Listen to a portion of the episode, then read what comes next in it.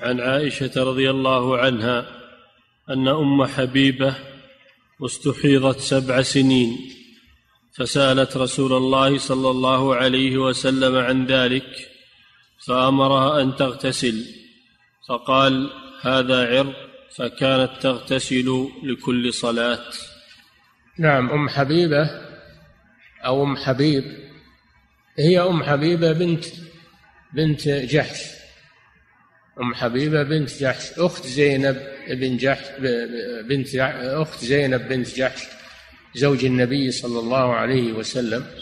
فإن بنات جحش ثلاث أم حبيبة هذه وزينب زوج النبي صلى الله عليه وسلم وحمنة وحمنة بنت جحش. أم حبيبة هذه كانت تحت عبد الرحمن بن عوف رضي الله عنه. وحمنة كانت تحت طلحة بن عبيد الله رضي الله عنه. نعم. وأما زينب فهي زوج النبي صلى الله عليه وسلم. وزينب لم تكن لم تصب بالاستحاضة. إنما التي أصيبت أختاها أم حبيبة وحمنة. والثالثة فاطمة بنت أبي حبيش التي في الحديث الأول قد ذكر العلماء أن اللاتي أصبن بالاستحاضة كثيرات وصل عددهن إلى تسع. نعم. عن عائشة رضي الله عنها أن أم حبيبة استحيضت سبع سنين.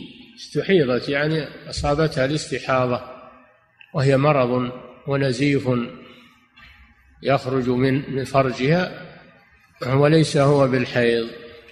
نعم. سبع سنين يعني طال عليها وقته نعم.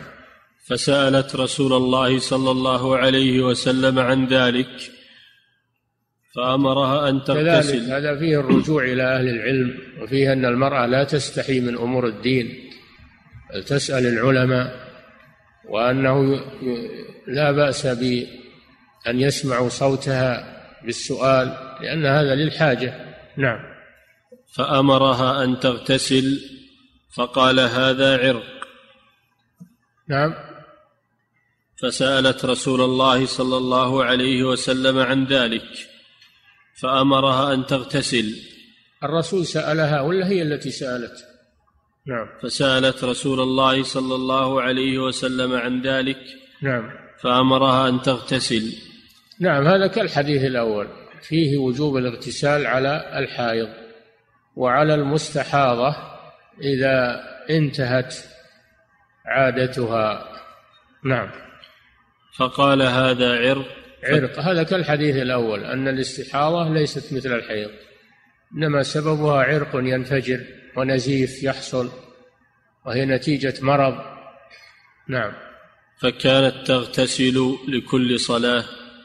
الرسول صلى الله عليه وسلم أمرها أن تغتسل عند نهاية مدة الحيض عند نهاية مدة الحيض هذا الذي أمر به النبي صلى الله عليه وسلم وهذا واجب ولا بد منه. أما أنها تغتسل لكل صلاة فهذا من فعلها هي واجتهادها هي ولا يلزم هذا المستحاضة أنها تغتسل كل صلاة بل يلزمها أن تتوضأ لكل صلاة لأن حدثها دائم فتتوضأ عندما تريد أن تصلي وتضع شيئا على المخرج يضبطه لئلا يخرج منه شيء تستثر بثوب أو غيره ثم تتوضأ وتصلي. وتعمل هذا عند كل صلاة. الوضوء الاستنجاء والوضوء عند كل صلاة.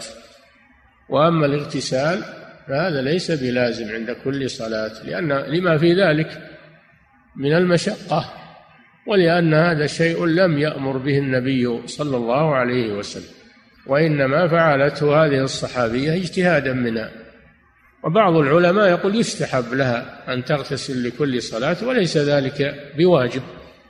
ليس ذلك بواجب وإنما هم باب الاستحباب لأنه ورد في بعض الروايات أن الرسول أمرها تغتسل لكل صلاة فيحمل على الاستحباب وليس على الوجوب.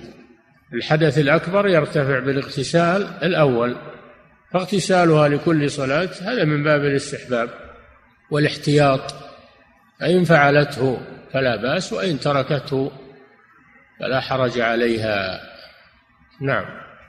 فضيلة الشيخ يقول السائل هل يجوز للحائض أن تأتي بالأوراد والأذكار المشتملة على آيات من القرآن الكريم؟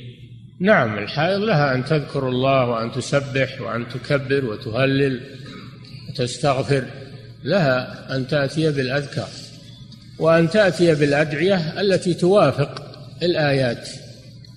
توافق الآيات لأنها لا تقصد التلاوة وإنما تقصد الدعاء تقصد الذكر والدعاء.